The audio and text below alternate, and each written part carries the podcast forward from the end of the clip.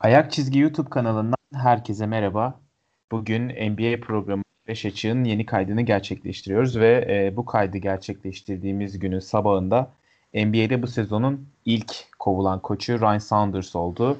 Minnesota Timberwolves'un koçu 2018-2019 sezonunun başında pardon ortasında göreve gelmişti ve e, takımla geçirdiği bir buçuk sezonun ardından e, dün sabah saatlerinde Türkiye saatiyle görevine son verildi.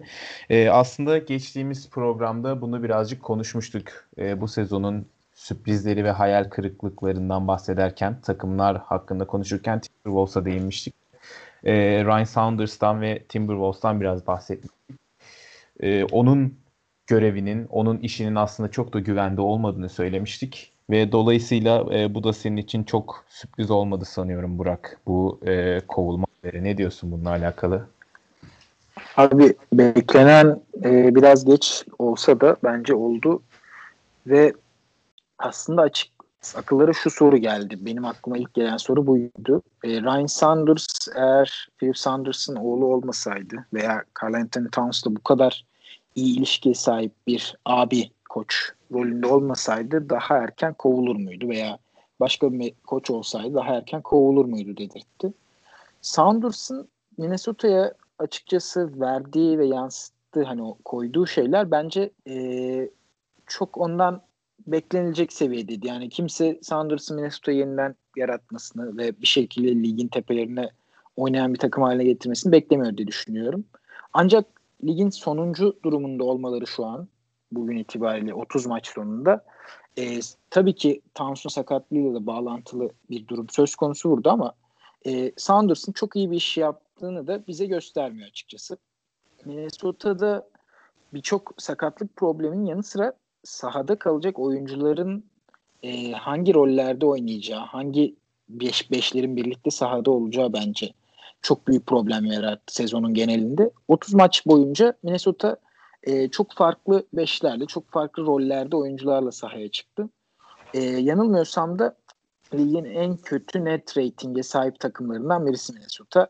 Belki Cleveland ve Sacramento onlarla birlikte e, burada değerlendirilebilecek takımlar. Saunders'ın 30 maçta sadece 7 galibiyete taşıması Minnesota'yı açıkçası bence e, fazlasıyla büyük bir hayal kırıklığı ve bu 7 galibiyetin de açıkçası çok iyi e, ve etkileyici galibiyetler olmadığını düşünüyorum. Bir de Minnesota ile ilgili en büyük problem bence çok yakın geçen maçları e, genellikle saçma sapan hatalar ve e, yanlış tercihler sonucunda kaybetmiş olmaları. E, bu son New York maçı da bence benzer bir durumdu. Ondan önceki Toronto maçı da e, benzer bir durumdu bana kalırsa. Ve aldıkları galibiyetler hani bir iki tanesi belki Toronto'ya karşı olan galibiyet etkileyici sayılabilir. Ama onun dışında hani Cleveland, Oklahoma, Detroit gibi takımlara karşı alınmış galibiyetler görüyorum ben Minnesota'da. Bunlar da zaten ligin en kötü takımları Minnesota ile birlikte ve hiçbir hedef maçta, hiçbir yakın maçta galibiyet alamamış olmaları onlar açısından bir hayal kırıklığı olarak konuşulabilir.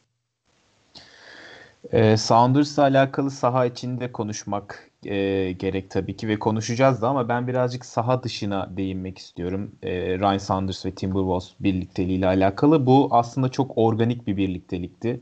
E, bundan şöyle bahsetmek gerek. Yani aslında Ryan Saunders'ta bir camianın çocuğu havası vardı. Yani babası Philip Saunders zaten Minnesota'nın efsanevi koçu olarak gösterilebilir. Timberwolves'un en başarılı günlerini yaşatmıştı. 2014 2004'te konferans finali oynayan takımın koçuydu. Garnett'le çok özel bir ilişkisi olduğunu biliyorduk ve hatta e, Philip Saunders vefat ettiği 2015 yılında da takımı çalıştırmıştı. E, takımda son kez görev yapmıştı. Ardından ayrılmış ve daha sonra vefat etmişti zaten.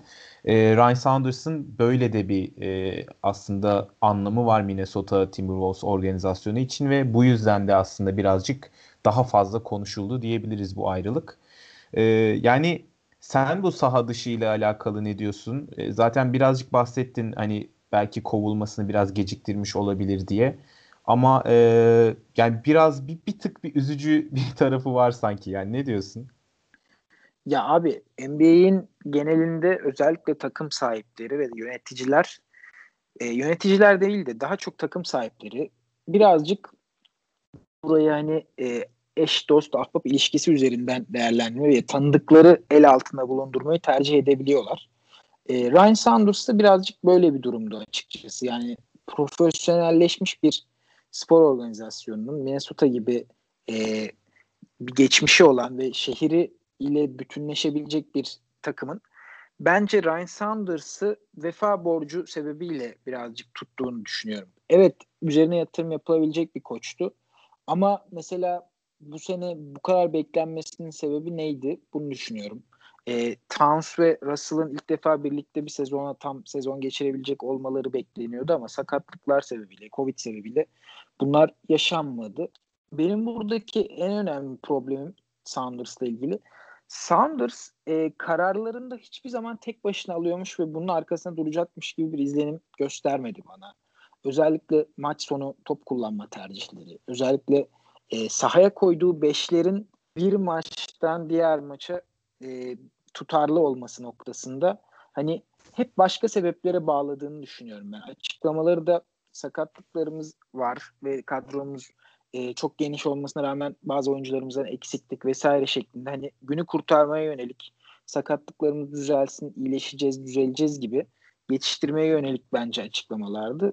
Bunların e, NBA'de hani e, çok uzun vadeli bir birliktelik ve çok uzun vadeli bir başarı getirmesi pek kolay görünmüyor. Birazcık NBA pragmatist koçlara e, daha çok değer veren bir yapıda şu an. Özellikle de rotasyonların çabucak değişmesi, sakatlıkların bir takımın kaderiyle çabucak oynaması nedeniyle ve şampiyonluk pencerelerinin çok kısa vadede açılıp kapanması ile ilgili e, yaratıcı ve bir takım inovatif koçlara ihtiyaç duyuyor NBA.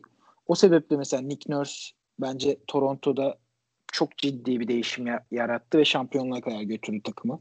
Quinn Snyder 3-4 senedir e, sürekli ilerleyerek, evrilerek takımı evr, e, belli bir yere e, evirerek ben başarıya ulaştırıyor. Onun dışında Lakers e, çok iyi bir hücum takımı olabilecek güçteydi ama Frank Vogel'ın varlığı biz bir savunma takımıyız noktasında oldu ve e, LeBron James ve Anthony Davis gibi savunmada kilitlendiğinde rakip takımın starlarını, rakip takımın bütün hücumunu bitirebilecek iki oyuncuya sahip olmaları tabii çok büyük bir avantaj oldu. Ben Ryan Sanders'ta bu tip Minnesota'ya yönelik ince dokunuş veya genel büyük çerçevedeki dokunuşlarda e, sınıfta kaldığını düşünüyorum. Minnesota ligin hiçbir noktasında ligin en iyi takımlarından birisi olmadı. Evet, Saunders'ın e, dönemine şöyle bir dönüp bakarsak Timberwolves'taki dönemine ve hatta başına gidersek 2018-2019 sezonun ortasında e, Tom Thibodeau kovulduktan sonra takımın başına gelmişti ve asistan koçtu aslında Tom Thibodeau'nun asistanıydı. Ve e, 49 galibiyet ve 93 mağlubiyetlik bir dereceyle e, takımdan ayrılıyor. Aslında çok genç bir yaşta asistanken takımı devraldı ve e, kötü bir zamanda da devraldığını söyleyebiliriz. Yani ilk maçlarında olumlu geri dönüşler vardı ben hatırlıyorum. Ve fena olmayan sonuçlar da almıştı ama genel olarak ortaya koyduğu oyun bu e, iki, bir buçuk iki senelik periyotta e, hakikaten çok tatmin edici değildi. Sen de değindin birkaçına. Bunda pek çok faktör var. E, birincisi bunlardan e, bir yeniden yapılanma modunda oluşuydu Timberwolves'un. Ortada yani aslında inşa edilmekte olan bir şey vardı ve Carl Anthony Towns bu takımın ana direği çok sık sakatlandı. Ee, saha dışında da e, sarsıcı olaylar yaşadı ve e, şöyle bir istatistik var. D'Angelo Russell'ı aldılar geçtiğimiz sezon takas dönemi bitmeden. Timberwolves. Ama e, D'Angelo Russell ve Carl Anthony Thompson birlikte oynayabildiği toplam maç sayısı sadece 5. Bu da aslında evet. saha içinde yaşadıkları e, sıkıntıları birazcık aynı tutuyor ama tabii ki e, bunu daha önce de konuştuk. Ryan Saunders da pek fazla bir şey ortaya koyamadı. O e, krizleri yönetmek olsun, rotasyonları düzenlemek, maç sonlarını oynamak, taktiksel, taktiksel olarak hazırlanmak gibi noktalarda pek iyi olduğunu söyleyemeyiz. Ve e, ben bir de şu noktaya değinmek istiyorum. E, Saunders'ın gidişinin hemen ardından e, hemen Chris Finch'in adı geçmeye başladı Timberwolves'un e, head coachluk pozisyonu için ve bu da aslında epey konuşuldu. Birçok gazeteci, yorumcu ve hatta oyuncu e, Timberwolves yönetiminin Saunders'ın kovulduğu gece yeni bir koç adayıyla anlaştığını duyurmasını doğru bulmadı etik açıdan. E, yani bu hiç karşılaştığımız bir şey değil. Sezon devam ederken genelde eğer bir koçun görevine son veriliyorsa sezon sonuna kadar o koçun asistanlarından birisi geçici olarak devam ediyor göreve. Ee, başka bir takımın asistan koçlarından bir tanesiyle e, head coachluk pozisyonu için görüşüldüğü ortaya çıktı ve bu isim Chris Finch, Toronto Raptors'ın asistan koçu. Bu konuyla ilgili düşüncelerin ne Burak? Abi bir önceki konuyla bağlantı olarak bir de şundan bahsetmek istiyorum. Ryan Saunders ve Minnesota bu sene 31 maçta 15 farklı e, 5 ile başlamışlar sezon e, maçları. Bu da hani sakatlıklarla zaten problem yaşayan bir takımın zaten böyle bir problemin üstüne daha fazla problem eklemesiyle sonuçlandı bence. E, bu da Saunders'ın kovulmasındaki hızla etkenleri hızlandıran bir süreç oldu bana kalırsa. Chris Finch'e dair e, benim bildiğim tek şey hani dün Woj bildirimler, Adrian Wojnarowski'nin bildirimlerinden öğrendiğim kadarıyla Minnesota'nın şu anki GM'i Gerson Rosas'ın Houston'dan bir ahbaplığı olduğu Finch'le. E, sen de bahsettin yayın öncesi. G League takımında galiba e, bir koçluk geçmişi var hatta Houston'ın G League takımında. Orada Rosas'ın da Houston'dayken Houston G League takımının GM'i olduğunu biliyorum. E, buna dair hani Minnesota'nın neyi değiştireceğine dair benim aklımda çok bir fikir yok şu an. Çünkü Finch NBA içerisinde gördüğümüz bir isim değil henüz. İlk defa galiba koçluk deneyimi olacak onun da. E, umarım hani diğer Toronto asistanları, Toronto koçu Nick Nurse gibi, Toronto asistanı Nate Bjorkgren gibi e, yenilikçi ve takımdan alabileceklerini maksimuma çıkaracak bir basketbol izletebilir bize. Minnesota kadrosu çok umut vaat eden bir kadro bana kalırsa değil. Bunun e, sebepleri de bence bu takımın savunmada özellikle uzun vadeli çok ciddi problem yaşa problemler yaşayabileceğini düşünüyorum oyuncu profilleri itibariyle. E, bunu biraz olsun kapatabilecek bir savunma şeması bile bence Finch'in Minnesota'ya sınıf atlatmasına yeterli olacaktır kısa vadede. Ee, şöyle ilginç bir nokta var. Ben yayına girmeden önce e, Adrian Wojnarowski'nin tweetlerini kontrol ettim. E, Ryan Saunders'ın kovulduğunu e, belirten tweetiyle Chris Finch ile görüşüldüğünü belirten tweet arasında 10 dakika var. Yani aslında bu e, birçok şeyi anlatıyor.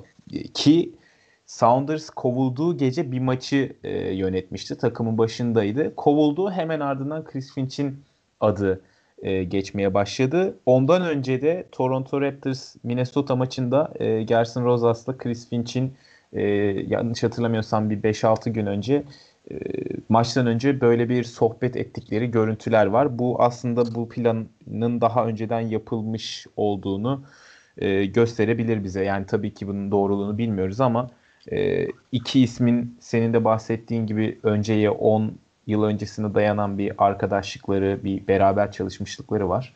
Bu da aslında pek hoş olmayan bir durumu ortaya çıkarıyor. Yani Ryan Saunders açısından hiç hoş değil tabii ki. Ve Damian Lillard ve CJ McCollum da e, bu konuda tweet attılar. E, onlar da Timberwolves'un asistan koçlarından biri olan David Vanterpool'un göreve devam etmesi gerektiğini söylediler. Bu e, Timberwolves yönetiminin yaptığının hiç hoş olmadığını belirten tweetler attılar. Yani e, bir de şöyle bir not var onu da ekleyeyim. En son böyle bir durum 2009'da olmuş.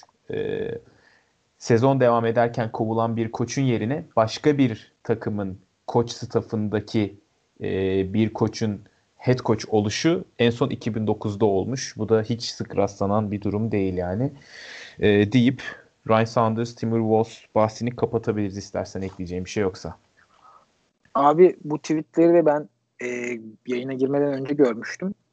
Açıkçası e, Van Terpool'un çok iyi bir yardımcı koç olduğunu, asistan koç olduğuna inanıyorum ben. Portland'da yaptıkları Portland'da e, bu takımın savunmasını yani Lillard McCallum gibi savunma defekleri olan bir ikiliye bir nebze savunma yaptırabildiği için bence çok ciddi bir artıyı hak ediyor. Çok ciddi bir pozitif nokta olarak görüyorum. Head coach noktasında yani baş koç, ana koç noktasında e, biraz şüphelerim var pek bilmediğim için bu dinamikleri ama anlayabiliyorum söylediklerini Lillard ve McCallum'un. Burada benim eklemek istediğim şey e, muhakkak görüşülmüştür. Toronto ile bir e, 7-8 gün önce de oynamış Minnesota.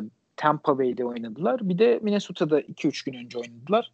Hani artık hangisine nasıl bir görüşme oldu bunları bilmiyoruz ama e, belli ki bir noktada işte tan- tanımanın, network'ün artılarını NBA koçluğunda bile görebiliyoruz. Yani Gerson Rosas, Chris Finch'i daha önce tanıdığı için, bildiği için bu role getirdi, bu rol için görüşme yaptı. E, bundan sonrası nasıl şekillenecek bunu da zaman gösterecek diye düşünüyorum. E, Finch'in basketbol planı ve basketbol felsefesine dair bildiklerimiz galiba bundan sonrasıyla ilgili olacak daha çok. Geçmişte G takımından ziyade Minnesota'nın neler yapabileceğiyle daha çok ilgileneceğiz. Evet Finch'in oyun felsefesiyle ilgili benim de hiçbir fikrim yok. Ee, bir de şöyle ilginç bir nokta var benim dikkatimi çeken. Raptors'ın da e, Spurs gibi bir NBA'ye koç verme geleneği oluştu. Yani bu senenin başında Nate Bjorkgren Indiana'ya gitti. Şimdi Chris Finch gidiyor. E, Nick Nurse de asistan koçken head coach olmuştu. Yani organiz- organizasyon anlamında Raptors'ta e, doğru işler var gibi gözüküyor. İşte koçların diğer takımlar tarafından tercih edilmesi, G League takımından oyuncu çıkarılması, oyuncuların geliştirilmesi, işte Chris Boucher, Van Vliet, Siakam orada bir kültür oluşuyor gibi deyip e, bu bahsi kapatalım ve ikinci bölüme geçelim. E, bugün programın ikinci bölümünde de All Star konuşacağız birazcık ama e, format biraz değişik olacak. Şöyle olacak. E, birkaç isim belirledik Burak'la beraber. Birbirimize e, All Star mı diye soracağız ve evet ya da hayır cevabını neden evet neden hayır şeklinde e, almayı planlıyoruz. Dilersen Burak ben sana ilk oyuncuyu sorarak başlayayım. Julius Randle All Star mı? Abi üzülerek hayır diyorum. Ee, bir hmm. numaralı sebebi de ben e, takım ve oyuncu istatistikleri olarak onun bir iki adım önünde olan birkaç oyuncu daha olduğunu düşünüyorum. Ee, hani bunu şu an sayısını düşününce 12 değil de 13 ya da 14 kişi olsa bir All-Star takımı girebileceğini düşünüyorum ama girene de niye Julius Randle yani bunu ta, Randle takımın alanında niye Randle'ı ekledin diyeceğim bir durum açıkçası yok. Sen ne düşünüyorsun Randle hakkında? Ben kesinlikle evet diyorum. Randle kesinlikle All-Star olmalı. Birincisi e, New York'un beklentileri aşan performansının e, en büyük kaynağı Julius Randle'ın müthiş ortalamaları ve istatistikleri var zaten. Bunlar bir yana bu ortalamalar ve istatistikler hani boş da değil. Kazanmaya etki ediyor. Yani tabii ki New York işte %50 galibiyetin üstünde olan müthiş oynayan bir takım değil ama beklentileri çok büyük ölçüde aştılar. Ve hücumdaki e, ana merkezde Julius Randle her şey onun üstünden dönüyor ve e, bütün bunları saçmalamadan yapıyor Julius Randle. O yüzden ben bu sene All-Star olmaya hak ettiğini düşünüyorum. Yani hiçbir şekilde itiraz etmiyorum ben. Ee, ben burada sana başka bir isim sorayım abi. Hani benim bir adım öne yazdığım bir isim. Belki tahmin edebilirsin ama Domantas Sabonis. Sence All-Star mı değil mi?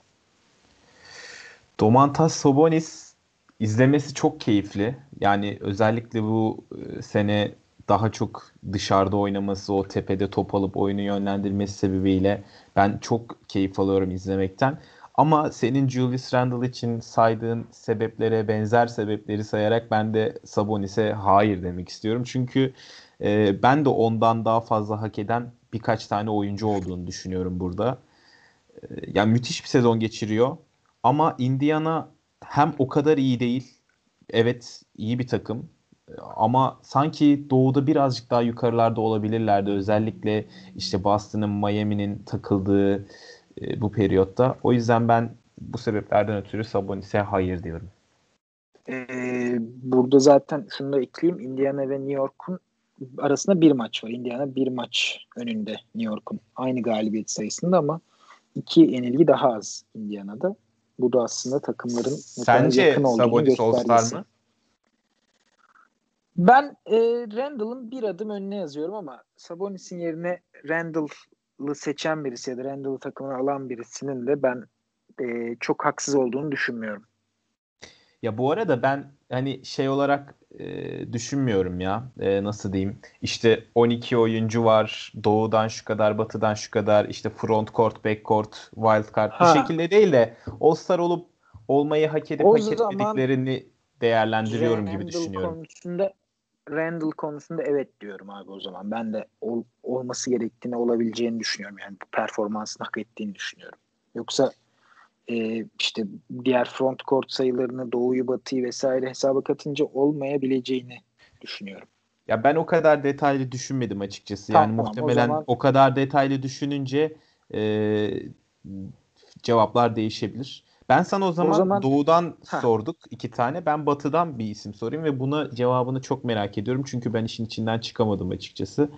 Mike Conley sence All-Star mı? Mike Conley bence All-Star. Bunun sebebi de duygusal sebepler. Çünkü bu Mike Conley bence son şansı artık All-Star seçilebilmesi için. Ee, o sebeple Utah'da lig birincisiyken Utah 3 oyuncuyu gönderip Mike Conley'i de All-Star yapmalı diye düşünüyorum. Ee, bu hani pek olası görünmüyor. Özellikle Batı'da bir iki isim daha var onun önünde bence yazılabilecek, konuşulabilecek. O sebeple e, olabileceğini düşünmesem de ben gönlümde kalbimde duygusal bir sebepten ötürü olur diyorum. Ben de tamamen subjektif sebeplerle, tamamen sempatik e, sebeplerle Mike Conley'nin All-Star olması gerektiğini düşünüyorum.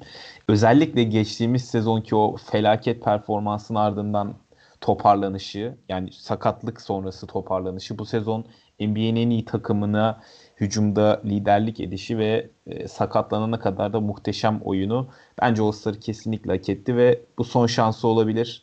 Yani e, underrated oyuncuları konuşmuştuk e, birkaç program önce. Mike Conley de kesinlikle bunlardan biri. E, ligin en çok sevilen, en profesyonel, en e, saygı duyulan oyuncularından biri ve kesinlikle bu seneki oyunuyla hak ediyor bence de ama olmaması da yüksek bir ihtimal gibi Batı'da. Abi e, ben burada bir de şundan bahsetmek isterim. Advanced istatistiklerde de e, Mike Conley'nin çok ciddi bir avantajı var. Lig ikincisi e, Regularized Adjusted Plus Minus istatistiğinde. Bu da e, Kawhi Leonard'dan sonra ikinci olması da hem savunmada hem hücumda ilk 10 oyuncu içinde olması da bence Mike Conley'nin durumunu, onun e, case'ini güçlendiren bir durum olarak düşünüyorum. Bana yani benim aklıma şöyle geliyor Conley ve All-Star ihtimalini düşündüğümde. Atlanta Hawks'ın All-Star'a 4 oyuncu verdiği sezon Kyle Korver e, All-Star seçilmişti hatırlıyorsan. Yani o Atlanta Hawks takımı çok başarılı olduğu için, çok e, iyi bir oyun ortaya koyduğu için 4 All-Star vermişti. Kyle Korver'ın All-Star'lığı epey, tartışılmıştı. Yani bu sene Mike Conley neden olmasın ona benzer bir şekilde diye düşünüyorum açıkçası. Abi ben de çok geçerli bir neden olduğunu düşünüyorum bunun. Buradan ben bir diğer bir isme geçeyim. Jeremy Grant hakkında ne düşünüyorsun? All Star mı sence? Ya başka bir sezonda olsaydı bence ya başka bir sezonda olsaydı ve takımı birkaç maç daha fazla kazanmış olsaydı kesinlikle olsaydı. Çünkü çok acayip ortalamaları var. Ee, hiç beklenmeyecek şekilde bir çıkış yaptı. Ama bu sezon değil. Bunun sebebi birincisi takımı çok başarısız, çok kötü. İkincisi de e, Doğu'da çok fazla iyi bireysel performans var. Yani onlar arasında çok e, iyi olmasına rağmen onlar arasında biraz geride kalıyor Grant. O yüzden bence bu sene All-Star değil. Ben de aynı şeyi düşünüyorum. Bence de All-Star değil. E, isterim ama böyle bu tip bir oyuncunun All-Star olmasını yani bir rol oyuncusundan fazlası olup olamayacağı tartışılırken bir anda All-Star seviyesine çıkması Grant'in gerçekten etkileyici bir ilerlemeydi. Ee, diğer isim konusunda sen mi sorarsın yoksa ben mi sorayım? Ben sorayım bir tane. Yine batıdan tamam sorayım abi. ben sana. Zion Williamson sence All-Star mı bu sezon? Bence All-Star abi Zion Williamson. Çünkü özellikle son e, 15-20 gündür oynadığı oyun New Orleans'ın da birazcık kendine gelmesini, toparlanmasına neden oldu. E, tamamen bir point guard demeyeyim de hani top yönlendirici noktasında değil ama topa sahip olup top, topa hükmeden bir noktada oynuyor Zion Williamson. Özellikle e, potaya her drive'ının bir basket veya bir faulle sonuçlanması yani durdurabilecek bir durumu olmaması rakiplerinin beni gerçekten etkiledi Zion Williamson'da.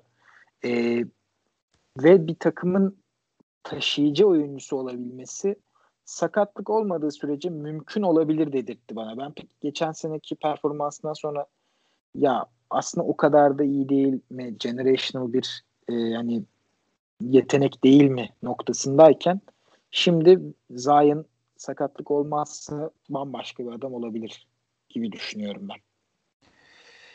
Ya bence de bu sene All Star Zion Williamson ama bunun e, çok büyük bir sebebinin Zion'ın popülaritesinden kaynaklanacağını düşünüyorum ben. E, tabii ki bunu şey için söylemiyorum. Zion'ın sahada ortaya koyduğu oyunu gölgede bırakmak adına söylemiyorum. Yani müthiş oynuyor zaten. Rakamlar da bunu söylüyor ama hani savunmada Zion Williamson'ı izlerken bazen gerçekten kriz geçiriyorum. Yani bu kadar çok adamını kaybeden, savunmada uyuyan bir oyuncu olmaması gerektiğini düşünüyorum. Bu atletik yeteneklerle çok çok çok daha iyi bir savunmacı olabilir ki bunu e, kolejde göstermişti. Yani top çalma, blok, deflection sayılarıyla da göstermişti ama NBA'de bu yönünü hiç göstermedi. Hatta ve hatta geriye gitti. Ama bence de kesinlikle bu sezon All-Star olmayı hak etti. Ben sana e, bu sefer bir paket halinde soracağım. Yine batıdan ve aynı takımdan iki oyuncuyu soracağım sana. Devin Booker ve Chris Paul. Bu, ikili hakkında ne diyorsun? Abi e, yani bu birazcık bence takım başarısı sebebiyle ön plana çıktıklarını düşünüyorum. İkisinin de performansın All Star seviyesi bir performansta olmadığını düşünüyorum. Şöyle ki çok standartlarında oyun oynuyor bence ikisi de. Standartları çok yüksek çünkü çok iyi iki oyuncu bu. E, Booker ve Chris Paul. Ama e, hani bunun biraz daha ötesine bir performans görmüş olsaydık çok daha net bir şekilde All Star derdim ama All Star oyuncuların biraz olsun e, göz boyayıcı istatistikleri, e, hareketleri ve auraları olabilir olmalı diye düşünüyorum. Özellikle sezonun başlarında biraz daha e, işler ciddileşmeden. Bunu da ikisinde de görmediğim için, ikisinin sıkıcı oyuncular olduğunu düşündüğüm için özellikle e, All Star gibi şov oh. amaçlı bir et, yok All Star gibi şov amaçlı bir organizasyonda sıkıcı iki oyuncu olduğunu düşünüyorum ben. Devin Booker ve Chris Paul. Abi istatistikleri ve e, bize yansıttıkları açısından. Yoksa ikisinin Aha. de bireysel olarak izlemesi çok keyifli ve tek evet. başına ikisi de bence yani herhangi bir maçı alabilecek oyuncular. Sadece yani top kullanmayarak da alabilecek bir oyuncu özellikle Chris Paul. Devin Booker da sadece şut atarak alabilecek bir oyuncu. Bunlara katılıyorum ama e, istatistik paketi halinde ben bu sene ikisinden de bir ilerleme gördüğümü düşünmüyorum. Bunun da All Star'a yetmediğini düşünüyorum ama büyük ihtimalle ikisi de seçilecektir. Yani evet bence burada e, sen senin de söylediğin gibi takım başarısı biraz bu ikili de öne çıkıyor gibi. Ama e, takım başarısını bir kenara bıraksak da bu ikili aslında bireysel anlamda yine çok iyi sezonlar geçiriyorlar. Tabii ki kendi standartlarında birazcık daha geriye gittiler. Topu paylaşmak zorunda kaldılar birbirleriyle vesaire vesaire. Yani çünkü baktığın zaman Devin Booker'ın bundan 2 sezon ya da 3 sezon önceki performansları bile, sayı ortalamaları bile bu sezonkinden daha yüksekti. Ee, yani burada bir, e, Jeremy Grant belki birazcık ters bir durum var. Hani Jeremy Grant'in takımı kötü, kendi istatistikleri çok iyi. İşte Devin Booker ve Chris Paul'un takım çok iyi ama kendi istatistikleri ve oyunları standartlarının biraz altında. Benim e, bu ikiliye dair bir cevabım yok gibi ya. Yani e, çok arada kaldım. O yüzden ben bu ikiliye pas geçmek istiyorum. O yüzden sana sordum birazcık da. Abi peki ben son olarak e, Batı'dan Ingram'ı sorayım. Brandon Ingram All-Star mı değil mi sence? Brandon Ingram bence All-Star değil.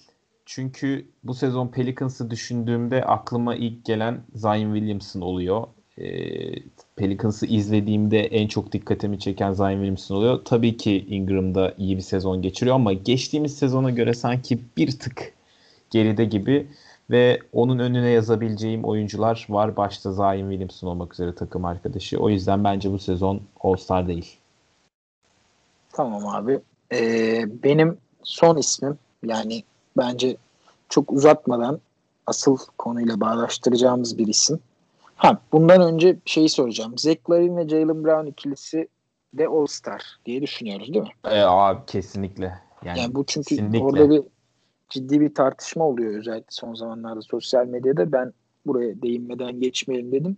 Ben bunun Buradaki... tartışılması gerektiğini düşünmüyorum ya. Zach Lavin ve Jalen Brown ikisi de acayip sezonlar geçiriyor. Bence de. Yani hani Damian Lillard işte ilk 5'te olmadı. Luka Doncic yerine e, Damian Lillard olabilirdi diye konuşuldu. Umarım Lillard'da yapılan hata Zach Lavin ve Jalen Brown'da yapılmaz.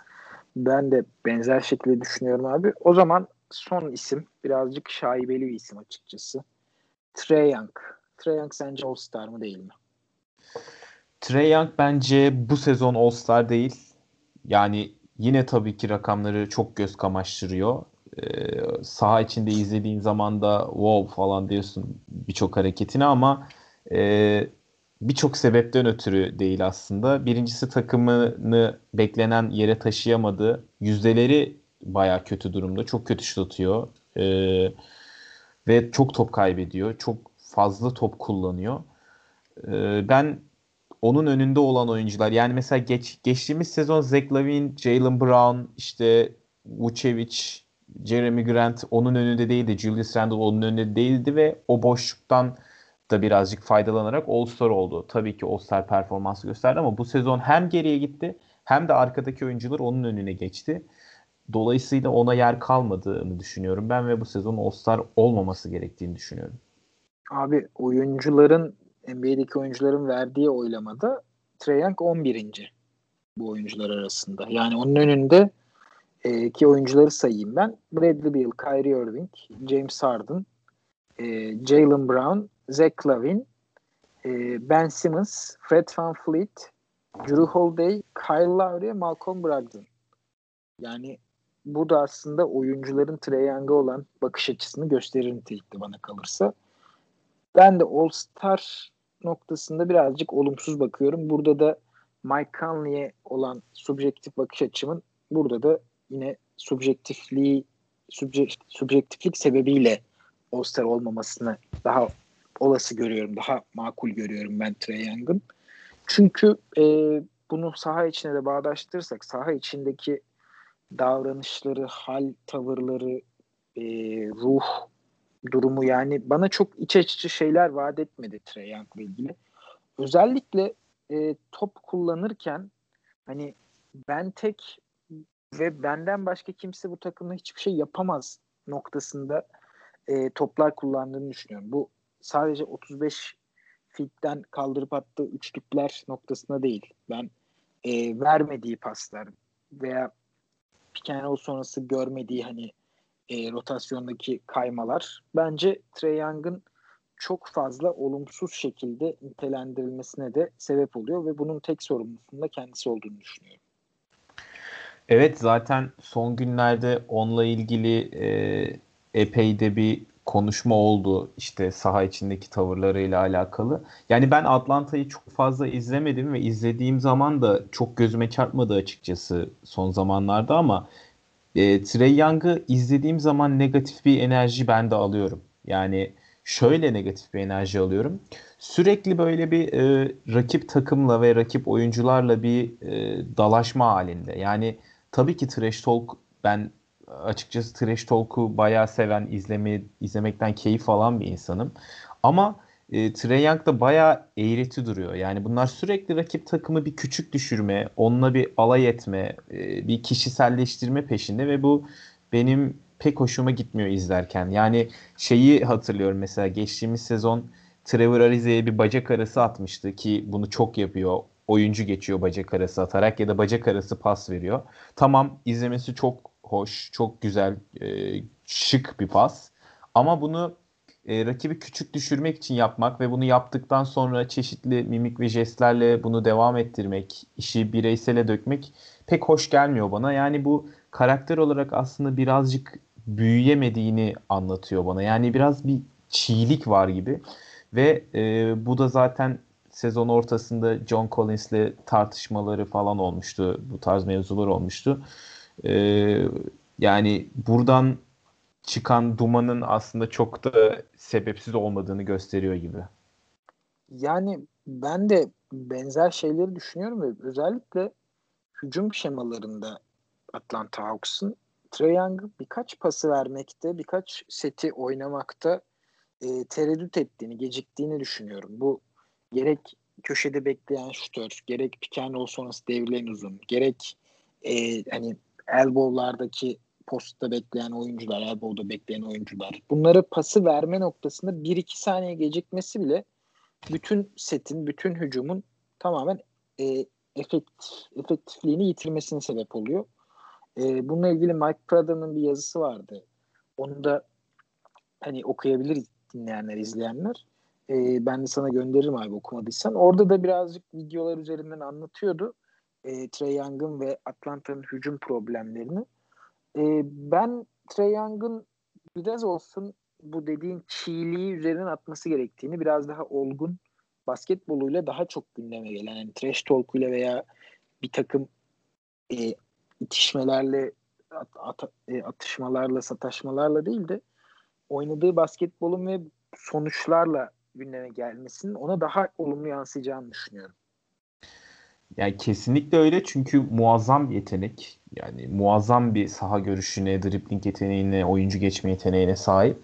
Ve e, ilk iki sezonunda zaten bütün hücumun anahtarları ona teslim edilmişti. İşte top kullanması açısından yeşil ışıklar sonuna kadar yakılmıştı ona.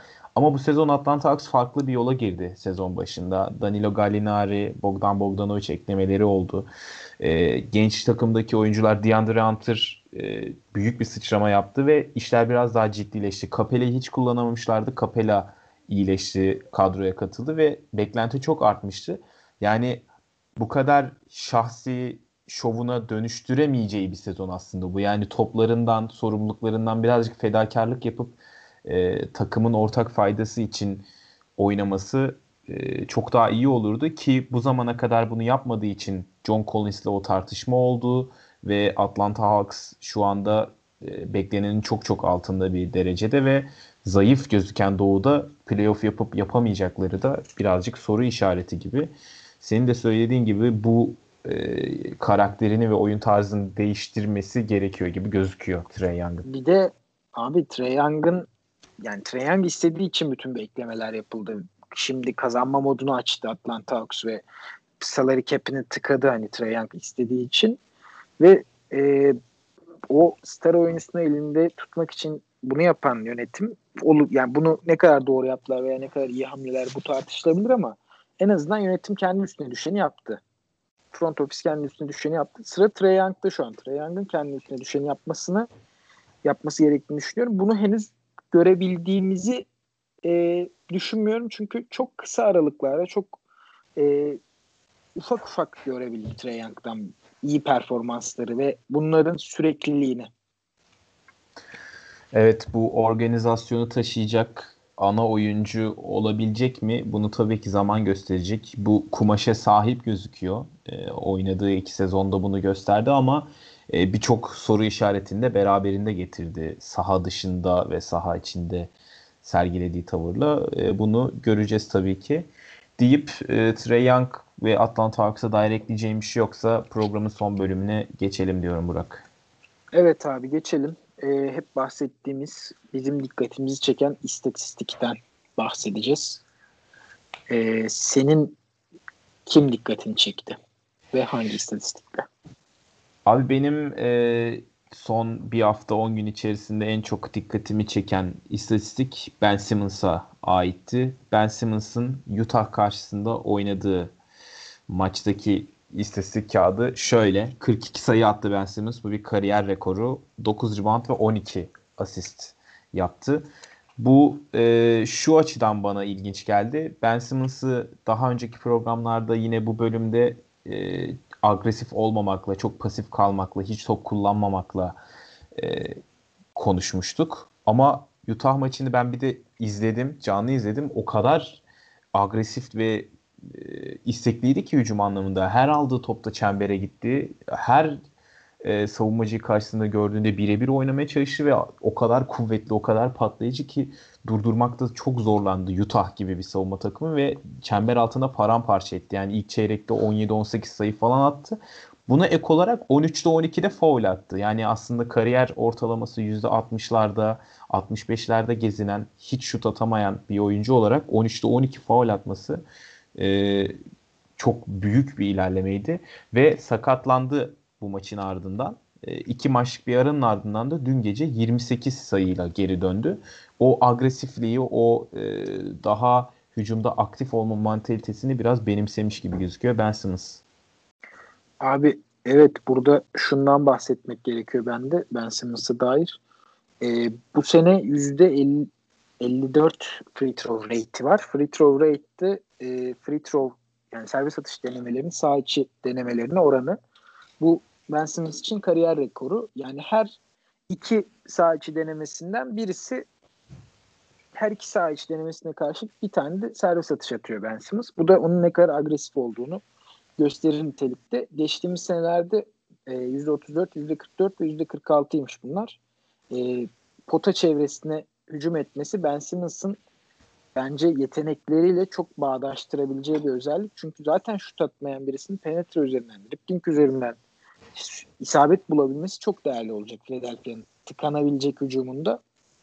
Ee, bakalım bunu biraz olsun e, sezon içerisinde devam ettirebilecek mi? Bu da açıkçası dikkat çekecek bence. Kesinlikle dikkat çekecek. Bir de bence şunu hatırlatmakta fayda var. E, bu 42 sayılık maç Embiid'in olmadığı, oynamadığı bir günde geldi ve e, Ben Simmons'ı birazcık daha farklı kullandıklarını gördüm ben. Yani birazcık daha pik yapan oyuncu olarak kullandılar ve e, bu dribble handoff dediğimiz e, aksiyonun içinde kullandılar. E, driblingle giderken birden handoff'la ya da pikle e, Simmons'ı kullandılar ve bundan çok fazla sayı buldular. Çok fazla pozisyon buldular. Yani Embiid'in sahada olmadığı ya da az sahada olduğu da bölümlerde bunu bence daha çok kullanabilirler gibi geliyor bana. Çünkü yani fizik olarak acayip size'lı, acayip kuvvetli bir oyuncu. Çok da iyi pik yapıyor. E, devrildiği zaman da çok etkili oluyor. Şut tehdidi de olmadığı için doğal olarak. E, bunu da yani daha sık görürsek bence güzel olabilir ve ellerinde de buna uygun personel özellikle Tobias serisi, Seth Curry gibi. Kesinlikle. E, bu dribble handoff'lardan hani şutu kaldırabilecek veya pick and roll'u yönetebilecek en azından belli bir seviyede, ortalama bir seviyede yönetebilecek oyuncuları da var Ben Simmons'ı devren olarak kullandıkları durumlarda. Kesinlikle öyle. Ee, senin dikkatini çeken istatistik neydi Burak? Abi benim dikkatimi çeken istatistik çok e, güzel bir tesadüf. Dün denk geldi. Benim dikkatimi çeken ise Corey Joseph'ten geldi. Dün oynadığı 15 dakikada e, bir sayı, bir rebound, bir asist, bir top çalma ve bir top kaybı yaptı. E, sadece bir şut denedi. Onu da kaçırdı ve iki denemesinde, iki serbest atış denemesinde sadece birini soktu. E, yani bir binary sistem şeklinde, bir ve sıfırlardan oluşan bir sistem şeklinde bir istatistik kağıdı verdi. Bu benim dikkatimi çeken güzel, ilginç bir istatistikti sağ olsun e, bunu hani fantazi takımla da bağdaştırmak istedim. Fantazi takımlarımın birisine de eklemiştim. Sacramento'da son yaşanan evet. sakatlıklar sebebiyle oynar belki diye. Sağ olsun oynadı ama oynamasa daha iyiydi galiba. Ya aslında sen eklediğinde ben de şaşırmıştım. Birlikte olduğumuz ligde eklemiştin. Çünkü yani 30-35 dakika süre aldığında bile aslında Corey fantezi anlamında çok e, pozitif bir oyuncu gibi durmuyor ve dünkü istatistik baremi de hakikaten ilginçti 1-1-1'ler. Yani aldandım, e, aldanmaz olaydım. Evet sen de zaten çok aktif kullanıyorsun serbest oyuncu pazarını. Bakalım. Yani şey için güzel oluyor abi. Bu tip performansları kaçırmamak için böyle e, istatistik takip yapmak için de keyifli oluyor açıkçası. Kesinlikle öyle zaten e, günlük olarak takip etmek gerekiyor. E, Burak var mı ekleyeceğim bir şey? Abi teşekkür ederim. Ağzına sağlık. Bizi dinleyenlere de tekrar teşekkür ediyorum. Ben de sana teşekkür ederim. Keyifli bir sohbet oldu. Bizi dinleyenlere de teşekkür ederiz. Bir sonraki programda görüşmek üzere. Hoşçakalın. Hoşçakalın.